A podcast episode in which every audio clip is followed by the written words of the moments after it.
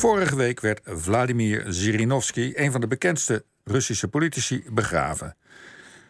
Een, volgens staatsmedia geliefd en markant politicus die toevallig ook al eind vorig jaar het begin van de oorlog in Oekraïne op 48 uur nauwkeurig voorspelde.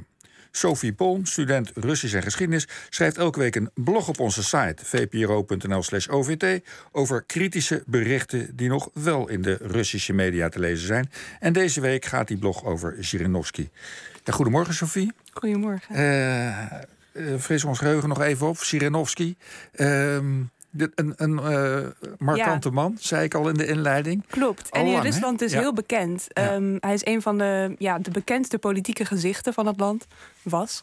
Um, hij was al meer dan 30 jaar de leider van de zogenaamde Liberaal-Democratische Partij van Rusland.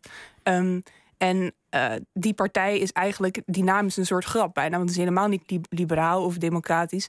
Het is voor mij letterlijk tijdens mijn studie was hij een schoolvoorbeeld uh, van de nep-oppositie. Dus ja, van een soort van uh, de, de politieke oppositiepartijen die het Russische systeem een soort zweem van uh, ja, democratie geven, maar in feite gewoon altijd met de regering meestemmen. En mm -hmm. en zijn partij hebben Poetin zeg maar nooit uh, enigszins in de weg gezeten. Ja, maar hij was er toch al voor Poetin? Hij was er al voor Poetin, klopt. Ja, ja, ja, ja. En was hij toen al ook een soort schijnoppositie, de tijd van Yeltsin en Gorbachev? Ja, al vanaf het begin. Hij, hij richtte inderdaad zijn partij op uh, in 89, toen nog net in de Sovjet-Unie. En toen al uh, was het een soort van uh, een, een, een nep-democratische partij. Uh, en dat is eigenlijk tot op het laatst zo gebleven. En nu is hij dus inderdaad overleden.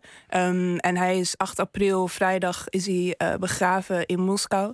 En uit die begrafenis bleek ook wel een beetje hoe erg hij deel is van het, van het, ja, het Russische establishment van de politiek. Mm -hmm. uh, omdat die begrafenis was enorm. Dat was echt, uh, er waren alle, alle politie waren daar aanwezig. Poetin legde bloemen bij de kist. En uh, Kirill patriarch Kirill die leidde de dienst, overal Russische vlaggen.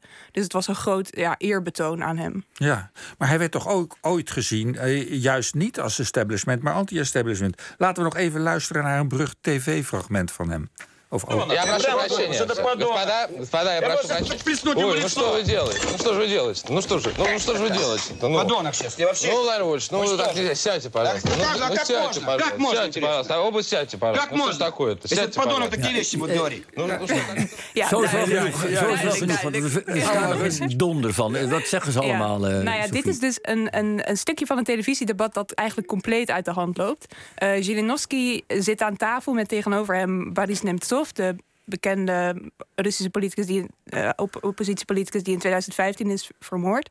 Um, en dit debat uh, wordt live uitgezonden en het begint wel politiek inhoudelijk, maar op een gegeven moment ontspoort het een beetje en worden er ook persoonlijke beledigingen gemaakt. En um, nou ja, Zhirinovsky is een enorme macho en die krijgt dus een belediging naar zijn hoofd geslingerd en dat, dat, uh, dat trekt hij niet. Dus op een gegeven moment staat hij op en dan pakt hij zijn glas sinaasappelsap van tafel en dat smijt hij zo in het gezicht van Boris Nemtsov.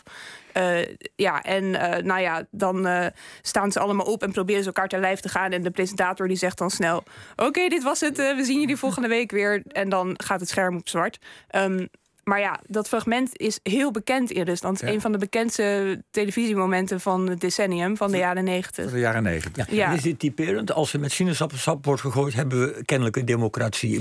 Was nou dit typerend voor deze man tijd, en voor zijn, hoe hij zichzelf presenteert? Het was, het was uh, representatief voor zijn. Hij was echt een macho en een, een heel erg een individu. En dat was nieuw in de Russische politiek. De mensen waren niet zo gewend aan uh, sterke, duidelijke persoonlijkheden. En wat ze überhaupt niet waren gewend is waar in deze tijd. Uh, 1995 komt dit fragment uit, is dat er debat te zien was op televisie. Dat je ruzie mocht maken op televisie. Uh, dat kon in de communistische tijd helemaal niet. Er waren überhaupt geen talkshows op televisie. Um, dus deze spanning, dat het publiek daar getuige van kon zijn, dat was echt ongekend. Ja, dat maakt het heel bijzonder. Nou gaat jouw blog nu eh, gaat over kritische geluiden nu. En in- welke zin eh, speelt Zhirinovsky dan in de berichtgeving nu een, een, rol bij die, eh, de, de, de kritische volgers voor wat er gebeurt? Ja, nou ja, ik lees dus de kritische media. En Zhirinovsky werd, wordt in de staatsmedia, eh, is het verhaal wel duidelijk. Dat is gewoon, nou, dit was een belangrijk politicus. Hij liep al heel lang mee ja, en nu is hij er niet meer. Maar in de kritische media is er een ander verhaal. Eh, en hij, zijn naam verscheen wel op alle websites eh, die ik lees. En op, ja, op Telegram en zo. Alle kanalen die noemen hem. Maar ja, wat is dan het verhaal? Dat is eigenlijk meer dat Um, waar Zirinovsky ooit voor stond, uh, een, een sterk nationalistisch, patriotistisch geluid uh, en ook dat macho geweldachtige identiteit, dat was ooit heel nieuw en keken de Russen daarvan op. Maar inmiddels kijken ze daar helemaal niet meer van op, omdat Zirinovsky eigenlijk deel is geworden van het politieke systeem. Dus alle politici hebben ze eigenlijk een beetje zijn stijl overgenomen. Het is alleen nog veel grover geworden. En ze gooien niet alleen maar met sap, maar ook met bommen. Precies, ze gooien met bommen. Ja, dus dat is een, een, een, een artikel dat ik nu specifiek heb beschreven in mijn blog. Dat, uh, die, dat beschrijft eigenlijk uh, die verandering van het politieke systeem uh, aan de hand van Zirinovsky. En wat wel interessant is, is dat dat artikel niet per se de dood van Zirinovsky als uitgangspunt neemt, als in wie is er overleden, maar dat het heel erg uitgaat van die begrafenis. Dus wat zien we eigenlijk op die begrafenis? Dat alle machthebbers afscheid nemen van een van de grondleggers van het systeem. Uh, iemand die nu eigenlijk niet meer nodig is. Want de hele politiek is een soort pro-Putin freakshow geworden. Ze zijn allemaal juichen ze hem toe en uh, zijn ze voor die bommen die nu op Oekraïne worden gegooid. Um, dus ja, dan is het op vrijdag 8 april begroef Rusland dan eigenlijk een deel van zichzelf dat niet meer nodig is. Okay, ja, nou, helder krijgen we het vanochtend geloof ik niet.